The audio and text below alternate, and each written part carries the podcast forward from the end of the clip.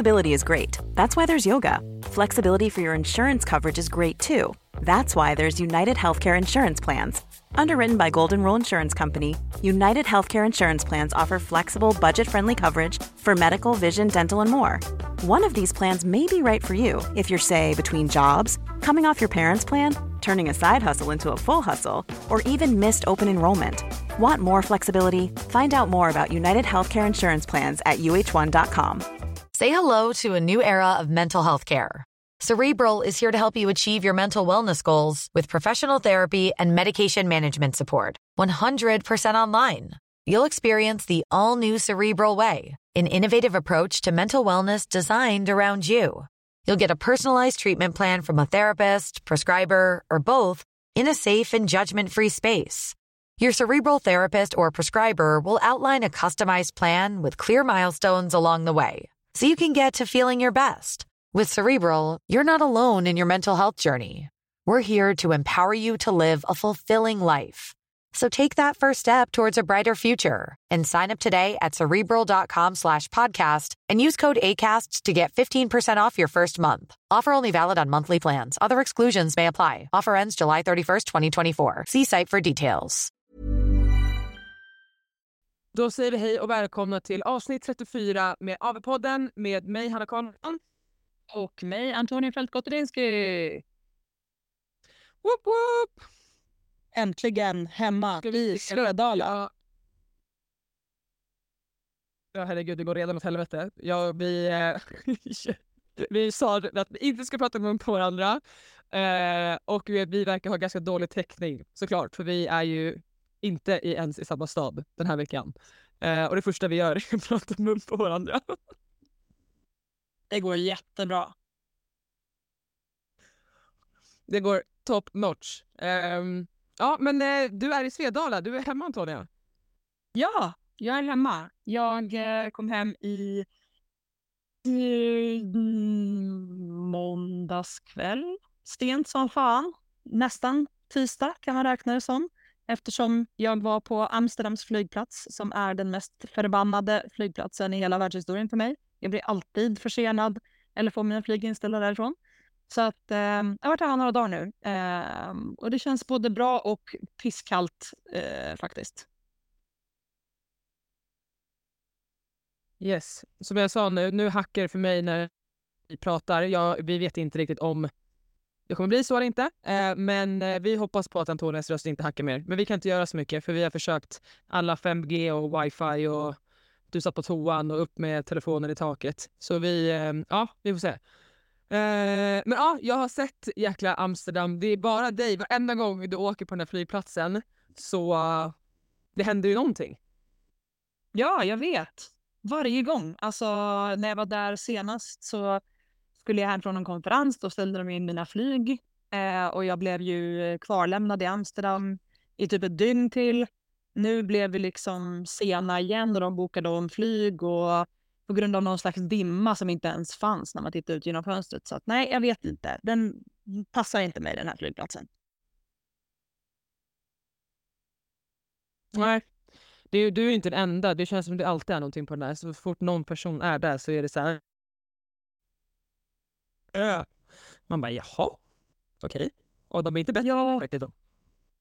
Nej, verkligen. Jag vet inte. Någon chef där borde ta sig i kragen och börja fundera på hur många gånger man faktiskt ställer in på ett år. För det är fan inte rimligt alltså. men eh, hur mår vi då? Jo, men eh, jag mår bra. Eh, fortfarande lite jetlaggad. Inte så hemskt ändå, för eh, Aruba är ju egentligen fem timmar bakom oss. Eh, så att helt okej okay i alla fall.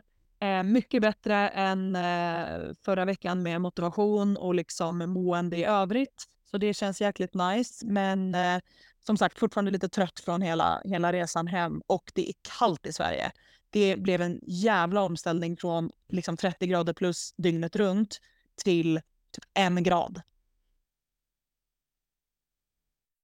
Ja, jag fattar det. Själv har man ju inte fått någon sån där skillnad i värme då. Alltså det är bara kallt och så lite mer kallt. Och den värme jag får är stjärtvärman i bilen. Åh oh, gud. Den värmer upp jättemycket. Jätteskönt. Gud vad bra. Jättefint Hanna. Du får brassa stjärtvärmen så att du verkligen liksom känner som att du är i Aruba. Du får bara sitta och tänka att du är det. Jag älskar att säga, alltså det värsta jag vet är när någon säger stjärt också. Det alltså jag hatar ordet stjärt. Jag vet inte varför. Jag undrar om det är typ så min mormor som använt det för mycket när jag var liten eller någonting. Men det är nog alltså, jag vet inte. Det, man säger rumpa, men eh, stjärt. Men du sa ju, du sa ju alldeles nyss stjärtvärme. Sa inte du det? Ja, jag vet. Jo, jag sa stjärtvärmare och då var jag så. Men var det jag sa, jag hatar ordet stjärt. det låter bara så jävla... Åh gud. Eh, Jag säger ju annars rumpvärme 100% men när du sa stjärtvärmare, jag bara okej, ja, det kanske heter så. Okej Hanna, men nog om rumpvärmare. Hur mår du? Ehm, ja, men jag mår, jag mår bra. Eh, jag är ju kvar i Jönköping, så jag är inte i Stockholm hos dig. Så um, men jag har det jättebra här. Jag är kvar tills på söndag. Och jag börjar... Nej, det känns inte vemodigt att åka hem. Jag var vemodig att åka hit. Säger man vemodig? Det gör man? Ja, jo, det gör jag. Absolut. Eh, nej men så nu börjar jag verkligen, så nu har jag varit här i lite mer än två veckor och nu börjar jag liksom komma in i det. Ehm, nej men så jag, nej, men jag mår bra. Det, ehm, jag har ingenting mer att säga. Bra, punkt. Bra, bra punkt. Det oroar mig att du mår så bra där borta. Och plötsligt kommer du bara, jag ska flytta till, till Sveriges Miami. Nu kommer jag på Jönköping istället. Hejdå! Och så flyttar du. Nej men det kommer nog inte bli. Alltså Henke börjar ju bli så här, ja men när flyttar vi hit? Eller när flyttar du hit nu då? Men det som jag säger honom, jag känner mig så pass väl nu att det funkar jättebra nu. Ehm, jag är ju, nu ser dagen ut så att jag åker hit, eh, så tränar jag på morgonen vid strax efter nio är jag här. Ehm, och om Henke säger något annat att jag är sen så är det fel, för vi har sagt strax efter nio. sa jag. Eh, och sen så är jag kvar här och jobbar eh, och då är Henke här också och sen så tränar jag igen. Eh, och sen så åker jag hem, alltså där jag bor. Men jag saknar ju dig, jag saknar ju alla kompisar i Stockholm. Jag har ju pratat liksom med någon kompis varje dag efteråt. Eh, jag märker ju också att jag hänger kvar här eh, liksom efteråt. Madde sa ju så här, ah, men kom ihåg att inte vara kvar så länge nu liksom på gymmet. Jag bara, men nej men jag behöver min sociala kvot eh, varje dag också. Ehm, och där märker jag liksom att eh, nu, det, det är skönt ett tag, du vet. Man är bara för att träna och jobba, men sen så nu börjar jag bli liksom lite rastlös. Ehm, för att jag behöver alltså mitt sociala med dig och med liksom mina vänner också. Ja, det förstår man. Det förstår man 100 procent. Samma sak för mig när jag var i Aruba. Ja, det var jättehärligt på så många sätt och jättefint och liksom mysigt att komma iväg på semester med, med liksom hela min familj. Men samtidigt så fick jag ju uppenbarligen en jävla motivationsdipp och eh, disciplinsdipp från helvetet för att jag var kände med varför gör jag ens det här? Vad är det frågan om? Och eh, alla som har skrivit till mig och skrivit att typ jag är duktig och peppat, ni är bäst gullisar allihopa. Ehm, men det kan ju bli så om man liksom kommer bort från saker man mår bra av och rutiner man mår bra av och, och sådär. Och då, då kan det vara tufft att liksom hålla i.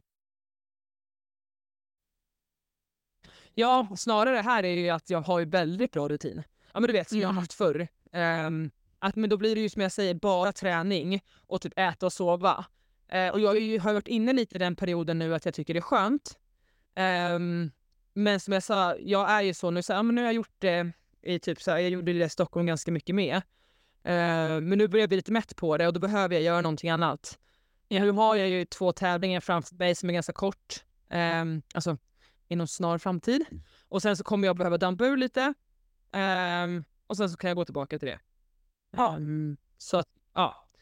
Men eh, annars så, ja och sen igår då så kände jag så här, fan jag måste ut. Jag måste få vara ute. Mm. För det blir så lätt att man är på gymmet och framförallt när det är så här pissväder så gör man inte så att man bara Ja, tick, vi tar en promenad på kvällen i piskande regn. Jättemysigt! ja, så mysigt. De här friska vindarna de pratar om på vädret som egentligen är bara skitvindar. Så nej, det var det är en tjej, jättegullig Jossan, hon eh, tog med mig till skogen. Så då sprang vi i skogen. Riktig skog då, inte liksom, inte stadsparken som Åsa som jag bor hos sa när jag frågade finns det någon skog jag kan gå och springa i? Hon bara ja, det finns ju stadsparken här inte så långt bort. Det var Åsa, du är ju mer, jag vet, hon bara men jag är betongbarn. Jag bara jo men det är jag med. Verkligen. Men Åsa som ett träd uppsatt i en park. Nej men Åsa, kan man kalla sig betongbarn om man bor i Jönköping? Jag vet faktiskt inte om det är tillåtet. Men det kan man, alltså hon bor ju mitt i stan. Ja, Ehm, kanske och när hon Mm. ja, och hon älskar ju stadsspringa, eller säger man så? Springa i stan. Mm. Det gjorde jag också när jag var yngre. Jag sprang, jag sprang ju liksom till Stureplan. Över Stureplan mot, mot, bort mot Djurgården, men jag höll mig i stan. Ja, nej. Det, det kan jag inte säga att jag har gjort. Eh, men jag har inte sprungit så mycket alls, så att, eh, det kanske är det som, som visar sig. Nej, Ja, herregud. ska inte alltså. vara såna. Nej, det ska vi inte. Det ska vi faktiskt inte. Men det är härligt att höra hur bra du har det och hur bra du trivs eh, hos Åsa. Hon verkar vara en, en guldklimp. Så att eh, jag får komma och eh, hälsa på någonting och köra i Jönköping också. Eh, det ser jag fram emot att kunna göra framöver eh, när det finns lite mer tid för mig att också åka dit. Det har varit rätt busy på sista tiden, men nu så hoppas jag att det ska lugna ner sig lite grann och man ska kunna komma tillbaka till allting. Men eh, ja, först gäller det att stressa på lite till fram till Hyrox eh, Stockholm och sen efter det så tror jag att jag kan få lite lugn och ro. Fram till Vodapalooza och det är typ bara en månad så nej, jag skojar bara. Det blir ingen lugn och ro nu när jag tittar på det faktiskt. ah, herregud. Ja. Men eh, hur känns det nu, eh, nu efter eh, alltså din dipp i eh, Aruba då? Hur känns det nu? Mm, eh, Vi har ju inte mycket- pratat så jag vet ju inte. Nej men jag vet, jag vet. Det har varit helt sjukt. Eh, nej men det känns mycket bättre, verkligen. Alltså jag eh, behövde typ bara acceptera att det kändes så. Jag tror att det var det som var jobbigt för mig också. Att jag ville liksom inte riktigt acceptera att jag kände mig som jag kände mig och var så här typ frustrerad över att den känslan kom. Men när jag bara accepterade den, så som du sa till mig också, bara att acceptera att det är obekvämt och jobbigt, precis som jag har sagt till dig, så var det bara så här, ja, det är obekvämt och jobbigt och jag måste fundera på vad jag vill, men det måste inte, jag måste inte veta det här och nu. Och eh, vad jag än kommer fram till så var jag så här, hur som haver, vare sig jag ska köra lag eller jag ska köra själv eller vad jag ska göra, så behöver jag ju träna på de här sakerna och jag vill ju bli bättre på de här grejerna. Så där i borde jag kunna hitta liksom min motivation att göra de här grejerna som jag tycker är jobbiga. Liksom. Um, så att jag har kört på med mina träningspass och det har ändå gått bra. Jag körde mm, lö- min löpning um, häromdagen och då gick det mycket, mycket bättre när jag var tillbaka i Sverige. Ehm, och kändes liksom bra att springa igen. Så det var jävligt kul. Ehm, så jag tror bara att så här, äh, jag behövde ha den där dippen och bara få bli skitförbannad och sen eh, komma tillbaka lite grann helt enkelt. Så ja, nej, mycket, mycket bättre. Jag sa det till Henke, jag bara, jag behöver ha ett mental breakdown på ungefär 48 timmar. Sen är jag klar med det och det var ju jävligt skönt att det inte behövde vara längre. Eh, som jag kände det där riktiga jävla pisset liksom. Eh, men man ska nog ta det på allvar ändå, att man får en sån känsla och liksom tänka över det. Jag älskar att du kör för 48 timmar. Jag kört typ så här 48 veckor. ja, det är ju nästan ett helt år, så att fan, ganska korrekt ändå. Ja, men alltså, nu ska vi fan gå in på det. För jag, vi, Antonija började prata eh, innan nu vi började spela in. Och så sa vi så här, nej men vi skiter i att prata innan så bara kör vi podden. Och vet du vad jag skulle berätta för dig nu Antonija? Vet Nej, du vad? berätta. Nej men berätta, berätta! Nej. Ja, på tal med... Nu, nu kommer jag svära, men på ett fucking år. Så för det första har det tagit mig ett år att ta mig tillbaka till typ vikter som jag har rätt snatchat och lyft innan. Eller bara Mm. snatchat. Vet du vad jag satte idag? Men du vet, du får gissa. Tänk dig snatch, vilken vikt snatch jag satte. Ja, 90, 100 procent. Jajamän! Ja! Yes! Det var a long time coming girl. Jajamän, alltså fyra och ett halvt år. Mm. Tre, kil tre kilo på fyra och ett halvt år. Ja, ja. Du, det är i alla fall tre, är i alla fall tre kilo. Eller vad fan, ja, det är i alla fall några kilon. Be positive, okej? Okay? Skitbra! Ja, men jag är det. Det är liksom... Ja, så då ska vi dra... Nu ska vi dra den här historien då. Nej, men historien är att 2019 satt jag 87 på en tävling. Det var inte snyggt. Alltså det var inte snyggt. Det var liksom såhär, oj. Eh, men satte det och sen efter det så har jag ju satt 85 Alltså miljoner gånger. Ja. Men jag sätter alltid 85. Ja, men det är väldigt, väldigt, väldigt många gånger. Ja, väldigt många gånger. Eh, men 90 har inte gått. Alltså jag höll ju på att sätta flera gånger men det är mer ja, men så här, positionerna för mig och jada jada. Så nu har vi ju börjat testa en ny position att jag håller en bredare för att jag ska ta mig vidare nu då. Mm. Och få en högre snatch. Och så har jag liksom känt så här, ja men nu börjar jag få upp vikten men det är fortfarande så ovanligt i positionerna. Och sen idag då, så händer det äntligen. Faktiskt. Gud vad nice. Gud vad nice. Ja men vi pratade lite grann om det ja. för att jag har ju väldigt korta armar men håller ju fortfarande ganska brett. Så när jag såg att jag tyckte typ du höll bara lite bredare än jag så var jag så här, det här makes no sense. Så jag har ju också kommenterat det till dig innan. Och um, jag tror även Henke har gjort det. Så att det kändes som att du gjorde en förändring och då har det ju för fan hjälpt. Ja, och det kan ju fan ge tips i att det är så här, för andra, det spelar ingen roll vilken vikt du är på. Men för mig obviously blir det ju så här, en vikt, ja, upp till 85. Mm. Sen så blir det ingen room for error. Jag kommer inte ta mig vidare kanske då om, inte jag, fortsätter, om jag fortsätter med den tekniken jag hade. Och då blir det lite börja om. Eh, och det har ju liksom känts jättekonstigt, jag känner mig svag i de positionerna. Mm.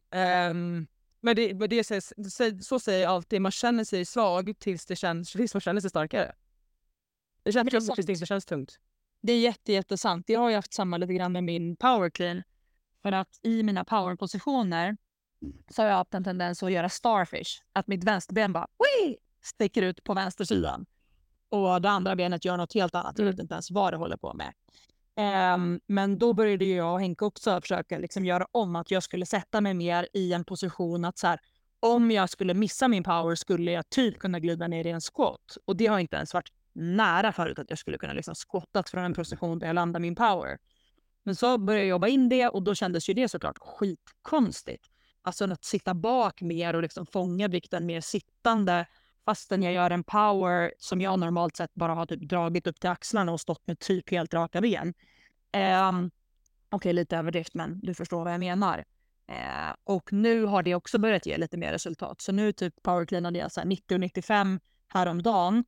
Efter, precis efter min typ långa resa, alltså dagen efter jag kom hem från Aruba. Och det kändes typ skitstabilt. Och jag brukar alltid, 95 brukar vara lite så här, och mitt max i min powerclean är ju 100. Och jag har liksom inte tagit mig förbi det. Eh, men nu hoppas jag att det här ska ge lite samma effekt som du fick på din snatch då. Ja, jag hörde lite halvt vad du sa, så jag får gissa. Okej, okay. jag sa bara att min power clean har blivit bättre. Jag har gjort samma resa som du. ja. ja, end of discussion. ja, men det, det är verkligen... Det, det är verkligen så. Jag tyckte ju, och men det är så intressant också för jag tycker det var ganska bra dag idag att göra det på. Det är, så här, det är fredag, men man har tränat ganska tungt i veckan. Uh, jag vilade inte helt igår utan jag sprang. Mm. Uh, jo, ja. Liksom så. Uh, jag uh, kände mig väldigt alltså, taggad men lite bakis. Typ ändå. Hänger du med? Yeah. Yeah. Jag kan ju bli då att jag blir nästan, jag sa att jag blir liksom sockerdricka. Jag kan inte förklara att jag typ får ett på kroppen eh, så jag liksom bara skakar. Det är som att jag är på en adrenalin, men det är inte ett skönt adrenalin. Utan det är liksom, ja men typ som att man är skitös och liksom, jag kan inte få in det i kroppen. Och jag har ju övat på att försöka få det. Eh, men idag så var det... Började snatcha så Henke och jag pratade mycket att den här nya tekniken och positionerna så har det ju blivit att varje snatch jag gör känns väldigt likadan. Och så har ju inte mina reps känts förut. Då har jag känt så här, ett, en, ett rep känns så här, ett rep känns så här och det ser ut, alla ser olika ut. Mm. Ja. Och, ja, och nu då när jag börjar värma upp och bara så här, jaha, nej men nu är jag tillbaka till det här. Varje jävla snatch, snatch, snatch känns oli, olika, varje rep. Mm. Eh, och då vet jag ju det att okej, om jag blir så här nervös och känner på det här viset, då kommer jag vilja gå tillbaka till mitt gamla mönster. Eh, jag blir liksom stissig. Typ. Eh, Jag fattar. Jag fattar. och, ja, och väldigt mycket så här automatiska negativa jävla tankar kommer.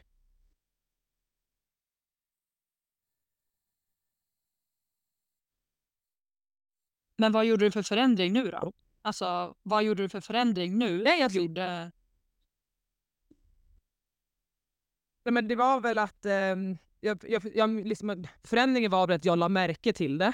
För det första. Att inte bara så här... Så brukar jag bli caught up liksom in it. Um, jag ska säga lite svengelska här. Eh, nej men att man liksom åker med det och liksom bara så här, oh shit, man får nästan panik. Eh, men då var ju Henke bredvid och han visade mig, då sa kolla hur högt du drar stången. Eh, våga dra den så här, våga dra klart den. Och då sa jag, men då tror jag att jag kommer göra så här och han sa nej. Och då testade vi ju det, så jag failade ju först. Eh, och sen så, så justerade vi eh, och då i alla fall, jag tycker inte det var ett så snyggt lyft, men det gick ju. Så. Ehm, ja. Ibland är det ju också bara typ en mental spärr. Att du liksom, nu när du vet att du har satt det en gång så förstår du, har du lite mer självförtroende i att så här, men det här har gått förut så det borde gå nu. Alltså för mig kan det vara så, typ på games var det faktiskt lite så. Jag kände att min clean när jag värmde upp på games kändes jättetung och jag blev skitnervös och bara varför känns det så tungt?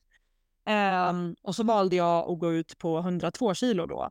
Och sen gjorde jag en ganska stor höjning till 109, så jag höjde 7 kilo.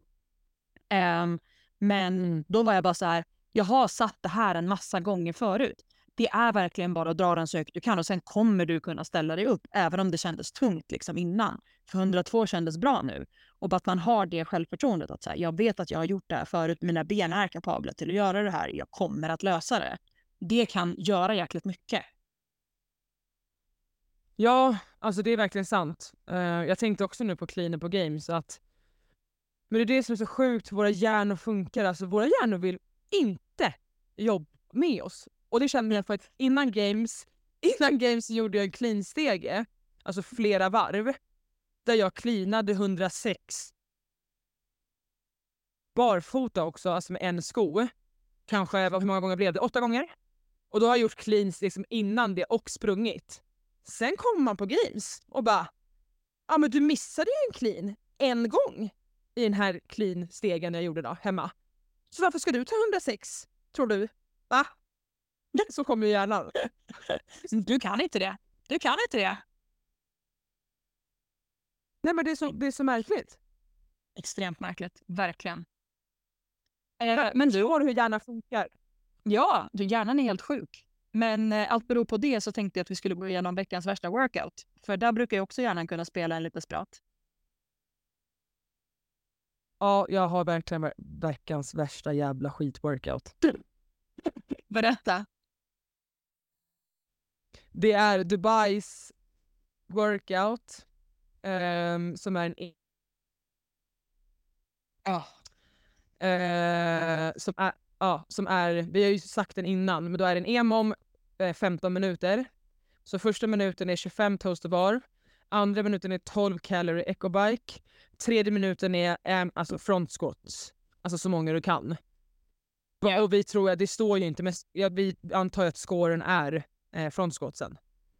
Och eh, det står ju ingen vikt, så Henke och jag freestylar lite. Eh, och jag säger inte så vikten eller så, men vi började, vi säger så, vi började tungt om man så säger. Ja. Ja. Och i mitt huvud då så ska jag göra fem varv. Eh, det ska jag ju inte.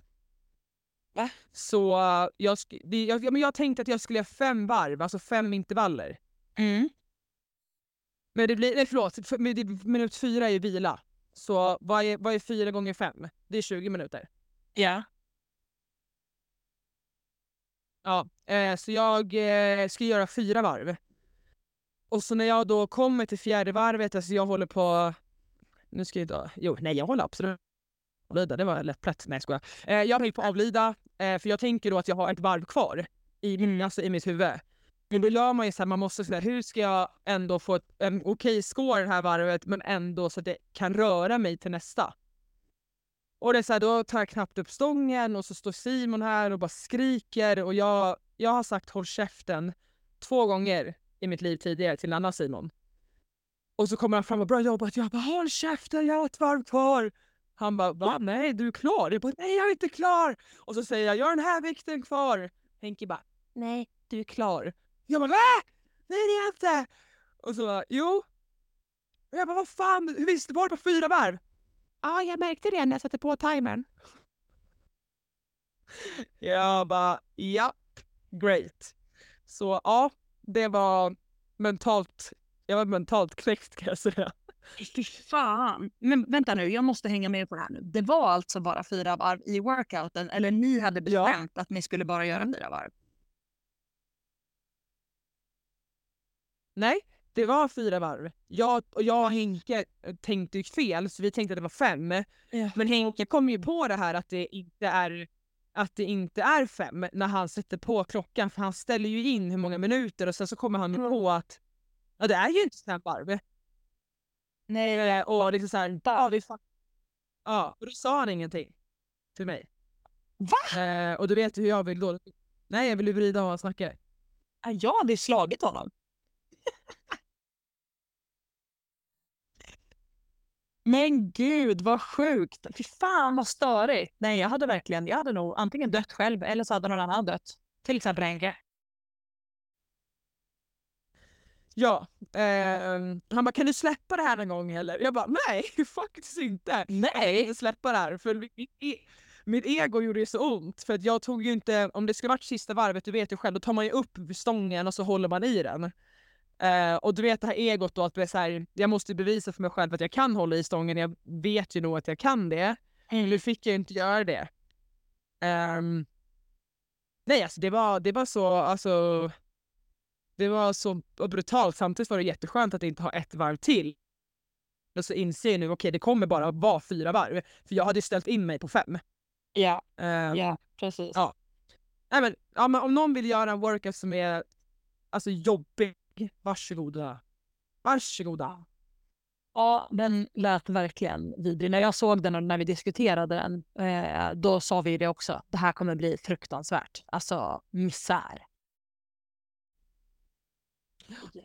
Eh, men någonting som var kul så var ju att toasterbarer kändes eh, lätta och det var ecobikers som kändes jobbigt. What?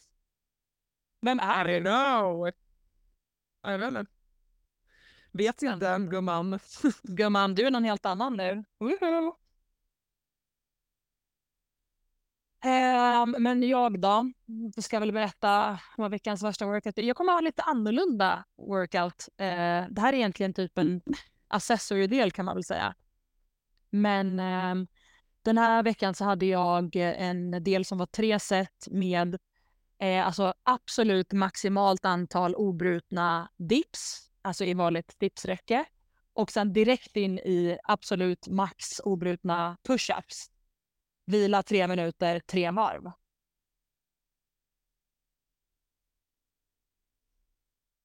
Jag kan ja. säga att jag har... Skit när du sa accessories. Jag men alltså...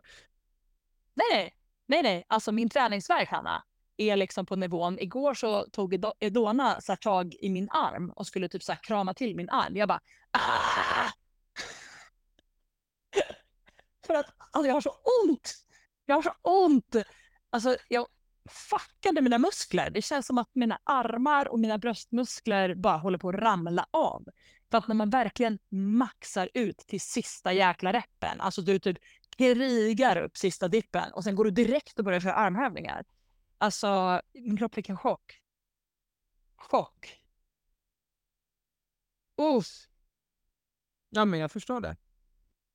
Nej, den var jag riktigt... förstår det. Så när man får en sån där träningsverk som är så orimlig, är helt, mm. det, det är inte kul. Det är inte en skön typ- träningsverk. Det blir typ bisarrt. Man bara är så här, men gud har jag haft sönder hela armarna? Alltså vad är det som har hänt liksom i min kropp? Men eh, om någon eh, letar efter fredagspump idag då, eftersom det är fredag idag, Eh, kör! Go for it! Alltså jag hade sån pump i överkroppen resten av den kvällen kan jag säga. Så att, eh, ja, vill ni impa på tjejerna eller killarna på gymmet? Varsågoda. Men potentiellt så kommer ni ha träningsvärk i tre veckor. Tre veckor också, inte så tre dagar. Nej, tre veckor, Hanna. Tre veckor. Men eh, ska vi till slut ta och komma in på ämnet för den här veckans podd? Eller nu har vi eh, snickerisnackat ett bra tag.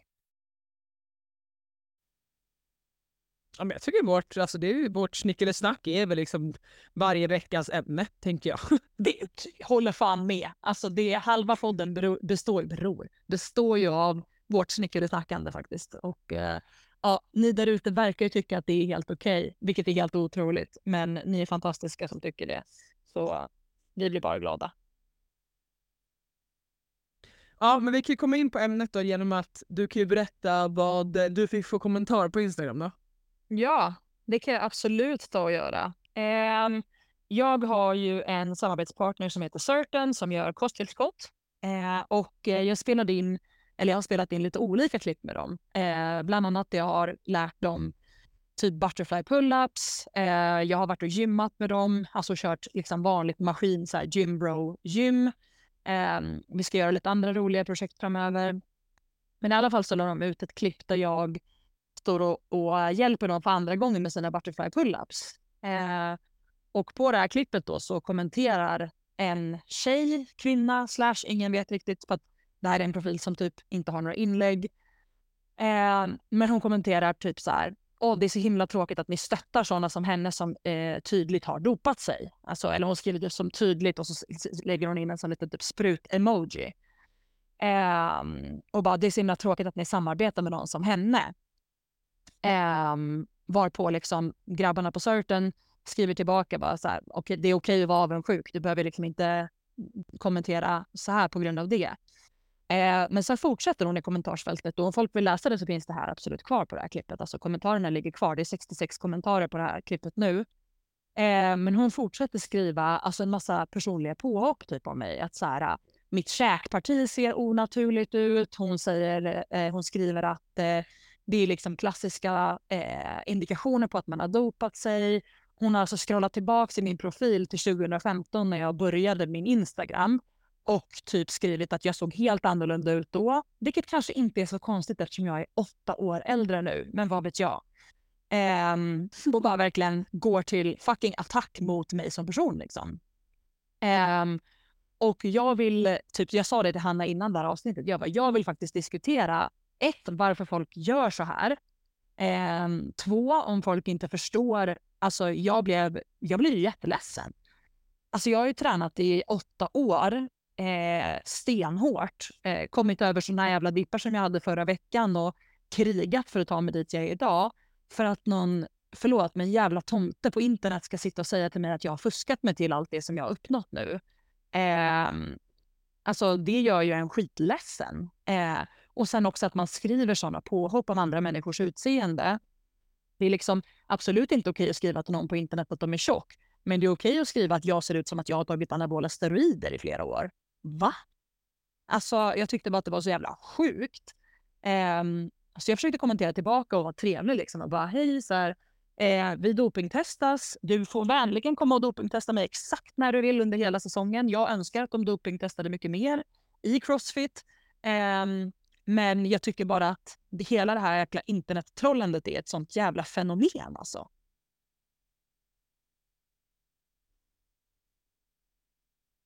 Ja, eller hade du pratat klart nu? Ja, absolut. Jag tänkte bara ranta ett tag och sen tänkte jag, nej, det var nej, men det your opinion. det är anslutning. Svårt att veta när, när det är klart eller inte. Um, men um, nej, men jag, jag fattar det liksom. Alltså överlag nu för tiden, om vi bara pratar, börja med internethat, så är det så. Det började väl på vår tid när man väl började få typ MSN och sådana saker. Ja. Uh, men nu är det ju liksom så jävla brutalt. Um, och att så här, men just det här, det som du blir utsatt för, det är ju väldigt, väldigt, väldigt, väldigt vanligt nu. Mm. Eh, men också jag tycker det är så kul när du sa det, så här, tillbaka åtta år. Kolla mig för åtta år sedan. Alltså det är ju såhär... Ja, alltså det är ju naturligt att det händer någonting över åtta år. Alltså du växer ju liksom Alltså från att du är 20 tills att du är 30 så växer alla delar på din kropp. Och det är så roligt när den här människan skriver så här, jag go- eh, det är bara att googla så ser man supertydligt att alla de här sakerna är tydliga tecken på doping. Man bara, det är också tydliga tecken på åldrande, min vän, om du googlar det. Alltså, ditt ansikte växer under hela ditt liv, din näsa, dina öron, allting växer och utvecklas. Så jag menar, det hade varit väldigt konstigt om jag när jag är 85 såg likadan ut som när jag var 23. Så det finns ju en anledning till att vi förändrar oss utseende och det är ju för att kroppen blir äldre. Men det jag liksom provoceras så himla mycket av är att man tycker att det är okej. Okay. För den här människan hade ju aldrig vågat komma fram till mig in person och säga det här. Men nu, i och med att man sitter på internet, så mm. kan man tycka att det är helt okej okay att liksom göra personliga påhopp på folk och tycka att så här, ja, men jag är en person som nu är en offentlig människa, tycker de, i och med att jag håller på med en idrott. Man bara, nej, jag har inte varit med i liksom, Paradise Hotel. Nu får du ju lugna ner dig. Jag håller på med en idrott. Det betyder inte att jag tycker att det är mm. okej att du kommenterar min kropp. Liksom. Nej, alltså vi ska gå in på det här med dopinggrejen också, men bara det är det jag tycker är så jävla fel. Jag tänker jätteofta på det att vi säger nu att hon vet ju inte vem du är. Tänk om du skulle mått jättedåligt psykiskt. Alltså mm. jättedåligt säger vi. Mm. Och så får du någon kommentar så liksom att ah, vilken bred käke du har eller någonting. Och men fan vet inte du att vem, ingen vet ju om du går och skadar eller inte. Nej. Så mycket näthat som har gjort att folk typ begår självmord. Ja, det, är, det är vidrigt alltså. Mm. Men till ämnet då, så är det liksom... Ja, men vi har ju pratat om det här så mycket och jag är så less på det. Eh, med att man ska kasta ut sig dittan, kasta ut sig dattan. Och jag har själv varit liksom kastat ut mig väldigt mycket. Eh, men vi har ju pratat om det, vi började prata om det förra året du och jag tror jag. Så sa jag så här, nej men nu, det är ingenting att lägga energi på, det är ingenting som man behöver kasta sig ur eller säga någonting för det finns, alltså det är ingenting att, att diskutera egentligen om man inte vet. Nej. Ja. Um, sen så kommer det ju fram ofta att folk, alltså de dopingtestar i alla sporter i vår sport med, absolut för lite. Uh, det håller jag med om. Uh, och det är folk som dopar sig. Det är ju liksom bevisat att det är ja, ja. åker fast. Uh, och det har ju du också pratat om att det kanske inte riktigt det var det här man signade upp för när man signade upp för elitidrott. Hänger du med? Ja, ja. Absolut. Att, ja. Eh, och det har jag ju tänkt många gånger på för det kan göra mig väldigt deppig, alltså deprimerad. Sen så tror jag att det fanns det, jag har ju varit elitidrottare inom fotboll också. Eh, och där kanske det var också väldigt förekommande men det tänkte inte jag ens på då. Eh, men nu är det ju så mycket mer liksom, ja, då att man folk blir testade och liksom, ja, jada jada. Um, nej, ja, det, det är någon tanke. Ja. Ja, men verkligen. Alltså, jag håller med dig i allt det och jag tror att det är klart att det är förekommande i andra idrotter också. Och jag kan förstå att så här, jag ser inte ut som en vanlig kvinna. Alltså, missförstå mig inte med vad jag menar där, men ja, jag är mycket, mycket mer muskulös och har en mycket större överkropp till exempel än vad såklart mina kompisar som tränar som vanligt inom situationstecken på gym har jag fattar att det kan se främmande ut för någon att jag ser ut så här. Men det har ju också med genetik att göra. Så folk som har sett min mamma säger ju ofta det, så, oj din mamma ser ganska så här muskulös ut fastän hon tränar typ på Friskis och Svettis liksom. Så att jag har ju aldrig varit en liten tjej och sen så har min överkropp blivit väldigt, väldigt, liksom, väldigt, väldigt stor. Det låter som jag står och creddar mig själv här nu, men förstå vad jag menar. Sen är jag inte heller så lean som många andra crossfittare är. Vilket gör att nog för att musklerna på mina armar och på min överkropp kanske är, är ganska stora. Men utanpå det har jag ju också ett litet lager fett. Vilket också gör att det ser ännu större ut. Um, men det som provocerade mig med de här kommentarerna är att man liksom väljer ut saker som man egentligen eh, tycker passar in på doping. Men man typ bortser från saker som till exempel att folk som tar de här typerna av dopingpreparat som hon menar att jag har tagit är ofta väldigt rippade året om. Jag har aldrig varit rippad i hela mitt liv. Skämtar du med mig? Känner jag bara. Mm.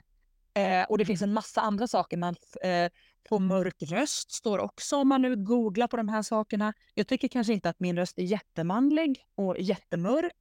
Men de sakerna väljer man bara att bortse ifrån och så drar man bara fram de här sakerna som man tycker passar in för att det passade med deras bild av att jag har dopat mig. Um, och precis som du sa så måste man liksom lite grann tänka över vad de här kommentarerna gör med den människan som får dem till sig. Nu var det liksom en person som kommenterade det här och typ 45 personer som försvarade mig. Jag vill bara säga alla ni som försvarade mig i det här kommentarsfältet, I fucking love you. Ni är bäst. Um, och jag uppskattar verkligen att folk liksom står upp för oss svenska atleter i det här läget. Liksom. Men jag tycker inte att man ska behöva hamna i den diskussionen heller. Och precis som du nämnde innan, när man slänger ur sig sådana här kommentarer så bidrar man ju verkligen till en supernegativ ställning och vi kan aldrig veta vilka där ute som har ropat sig och inte. Ehm, och då finns det liksom inget värde i att lägga energi på att antingen anklaga folk och göra folk jätteledsna om det inte är så att de har dopat sig. Eller att hålla på och spekulera i vilka som har dopat sig. Och där har jag verkligen lärt mig av eh, Martin Altemark när han var min coach för många år sedan så sa han till mig så här, det kommer alltid finnas folk inom sporten som dopar sig. Det finns folk i fotboll som dopar, dopar sig, det finns folk i skidåkning som dopar sig, det finns folk i löpning som dopar sig. Det kommer finnas folk som bestämmer sig för att de vill fuska. Du kan aldrig haka upp dig på de här människorna, för om du tänker att alla runt omkring dig dopar och har en fördel gentemot dig, då kommer du alltid ha ett mentalt underläge mot dem när du tävlar mot dem. Så om jag går in på games, säger så tänker jag så här, alla andra lag har dopat sig ja, då kommer jag ju naturligt sätta mig som att jag ligger i ett underläge mot dem och att det är omöjligt att slå dem för de har fuskat sig till det här. Och då hamnar jag ju bara i en negativ spiral själv. Liksom. Så att det finns liksom inget värde i att säga det här till en människa eller att tänka det här eller att spekulera i det. Det blir verkligen bara en jävla toxic miljö.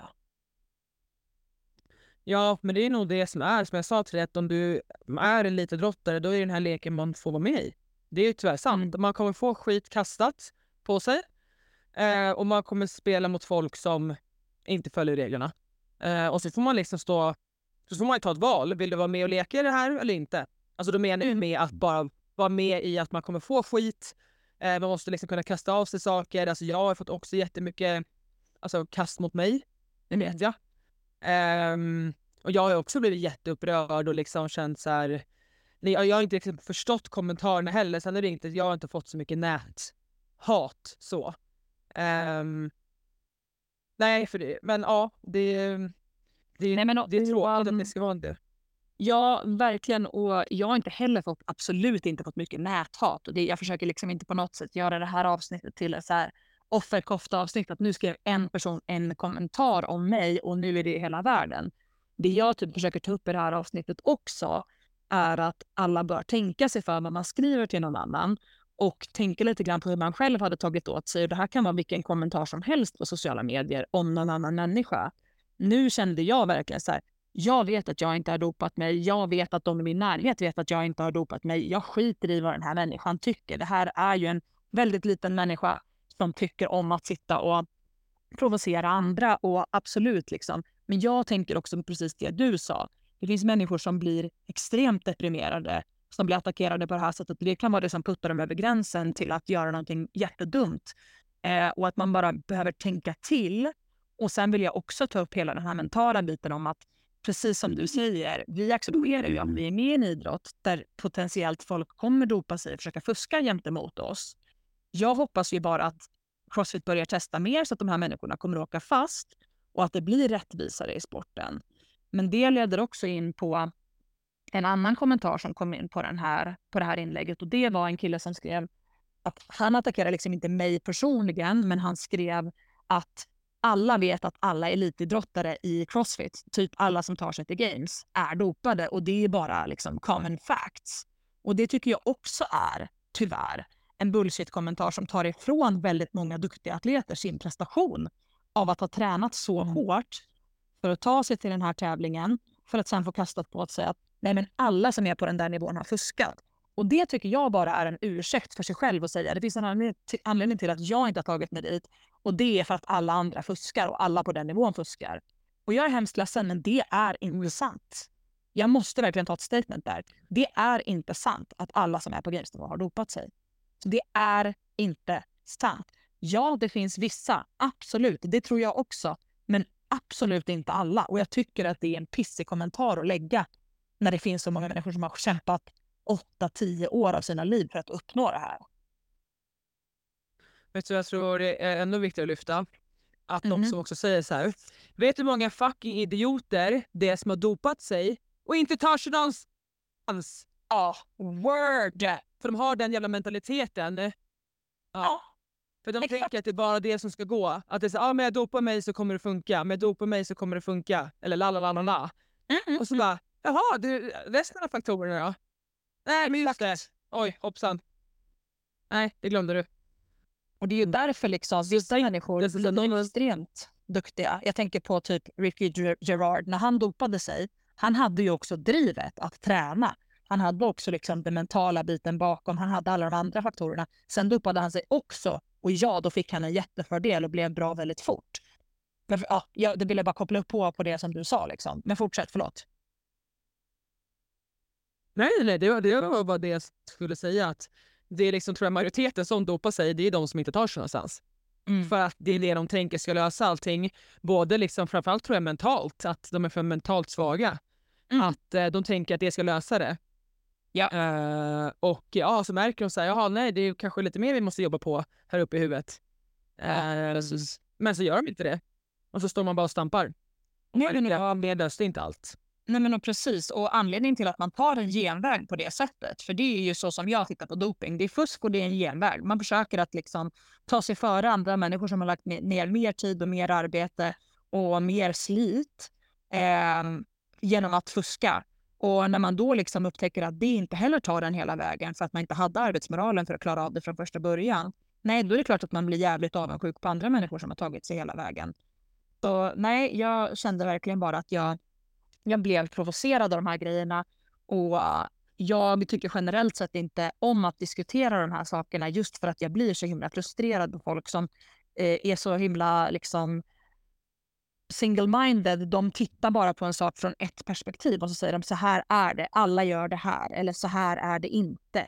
Men det finns så himla många olika aspekter. Eh, och precis som du säger så jag tror att många som dopar sig de vill göra den här typen av genväg eller så de absolut flesta som vi ser som blir tagna för doping i crossfiten har ju till exempel haft en skada, så har de försökt rehabba den, så har det inte funkat, bla bla bla. Och sen säger de så här, ja nej min sista utväg blev då att dopa mig för att kunna läka den här skadan och jag ville bara tävla på samma villkor som alla andra. Men det blir ju inte det. För du gör ju någonting som någon annan människa inte kan göra, till exempel läka den här skadan. Om din kropp inte klarar av det, då är ju det det naturliga. Liksom, att tyvärr så tar du dig inte ur det här. Och då måste man ju bara liksom acceptera att man kan inte, Nej men alla sätter på... ja, man kan inte dopa sig för att ta sig till inom citationstecken samma nivå som alla andra. Då skulle jag ju kunna säga ja, jag har astma. Så jag tänkte om jag bara kör lite, eh, jag vet inte, finns det någon doping som hjälper med eh, andningen? What the fuck vet jag, men säg att det fanns det. Ja, jag har bara dopat mig för att hamna på samma nivå som alla andra. Nej, alltså hela tävlingsmomentet och hela livet går ju ut på att du gör det du kan med dina förutsättningar. Det som jag har tänkt mycket på de senaste veckorna för att jag fick det här mental breakdown och allting. Mental breakdown, det låter helt galet, men det är ju vad är mitt why? Varför gör jag det här? Och en stor del av mitt why är ju att se hur bra kan jag bli? Och det kan jag inte se med hjälp av doping, för då tittar jag inte på hur bra kan jag bli. Då tittar jag på hur bra kan jag göra mig själv med hjälp av eh, andra tillsatser där jag liksom adderar till vad jag redan är. Och Det skulle inte uppfylla mina mål.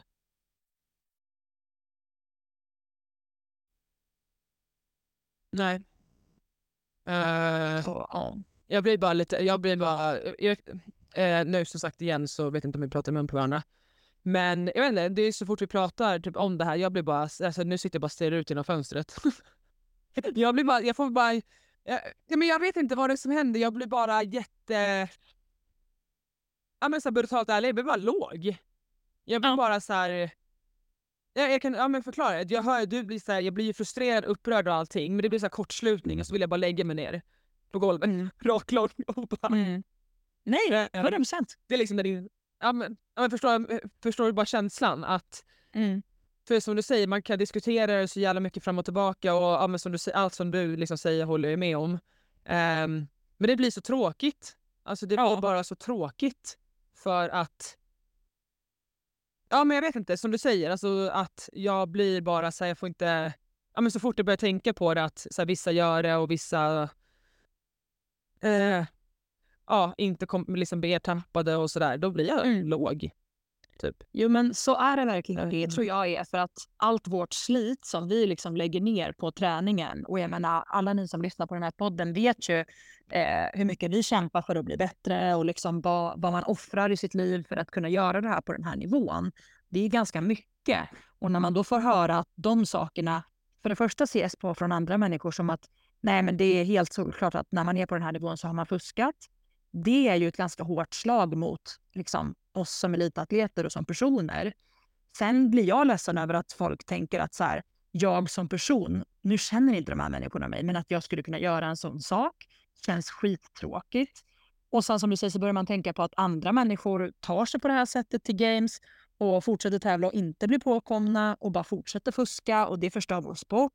Så att 100 procent, man blir låg. Alltså man blir jätteledsen liksom, och man inser också att det finns så lite man kan göra för att liksom förändra situationen. Det enda vi kan göra är att fortsätta lobba för att vi ska ha fler dopingtester, att vi ska hantera det som typ tyngdlyftningen gör med att man kan få en dopingkontrollant som dyker upp unannounced och liksom testar den och att man testas oftare. Alla de här sakerna försöker jag jobba för. Eh, och det gör ju det här förbundet som Brent Fikowski också är med i som liksom representerar alla atleter. Eh, men det, tyvärr i slutändan kommer det vara en kostnadsfråga för Crossfit.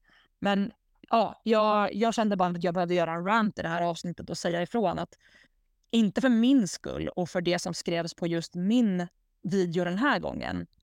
Men det liksom triggade igång hela mitt sinne att jag bara, jag måste säga ifrån till folk. Så att vi kan väl i alla fall börja med att göra världen till en lite bättre plats genom att alla som lyssnar på den här podden, säg till era vänner att om ni har sådana här åsikter om någon, men ni har inga belägg och inga bevis och ingenting, släng inte ur er några onödiga kommentarer. Ja, håll käft, förlåt. Men släng inte ur er onödiga kommentarer om andra människor som ni inte vet någonting om. Eh, hur länge de har tränat, vad de har gjort. Det är liksom påhopp på, på människor och på deras liksom, individ. Det är jättetaskigt och det kan göra jättestor skada. Tänk till på de grejerna. Och också om ni tycker att crossfit är en sport där alla det är med på elitnivå dopar sig. Så inte på att alltså, alla är inte mm. Nej förlåt jag hackar så jag, jag hör inte när jag ska prata och inte. nej. Um, nej, nej det, men alla är inte skitstövlar. Eller nej. Här, och, um, så, um, och det är så här, jag skiter fullständigt i om, om så här, det finns ju andra folk som inte tävlar som gör det, gör det. Jag bryr mig inte om det. Så länge det gör för din egen skull. Förstör ditt kropp, förstör det, gör exakt vad du vill. Mm. Um, men om det är liksom någon annan som du tävlar mot eller vad som helst så är det så här, ja, det, det är bara skit då. Men som sagt, alla är inte skit. Alla gör inte. Um, och um, ja, alltså det, det blir ju att personer som ja, man kastar ut sig sånt på folk som inte gör det, det att det sårar. Ja. Så är det ju bara. Precis. Nej, men 100 procent så som du säger. Och jag tror bara att det vi ska ta med oss liksom i hela den här konversationen, det är bara att så här, kasta inte ur dig saker du inte vet någonting om. Eh, liksom ansvara för dig själv och de i din närhet. Eh, alla får göra vad de vill med sin kropp, men när man ställer upp på ett tävlingsgolv mot andra personer som har jobbat stenhårt, då tycker jag att man ska respektera sina medtävlanden eh, och ha respekt mot liksom, tävlingsformen och den sport vi håller på med. Och eh, ja, det är väl egentligen det jag kände att jag behövde få ur mig för att jag blev så provocerad av det här.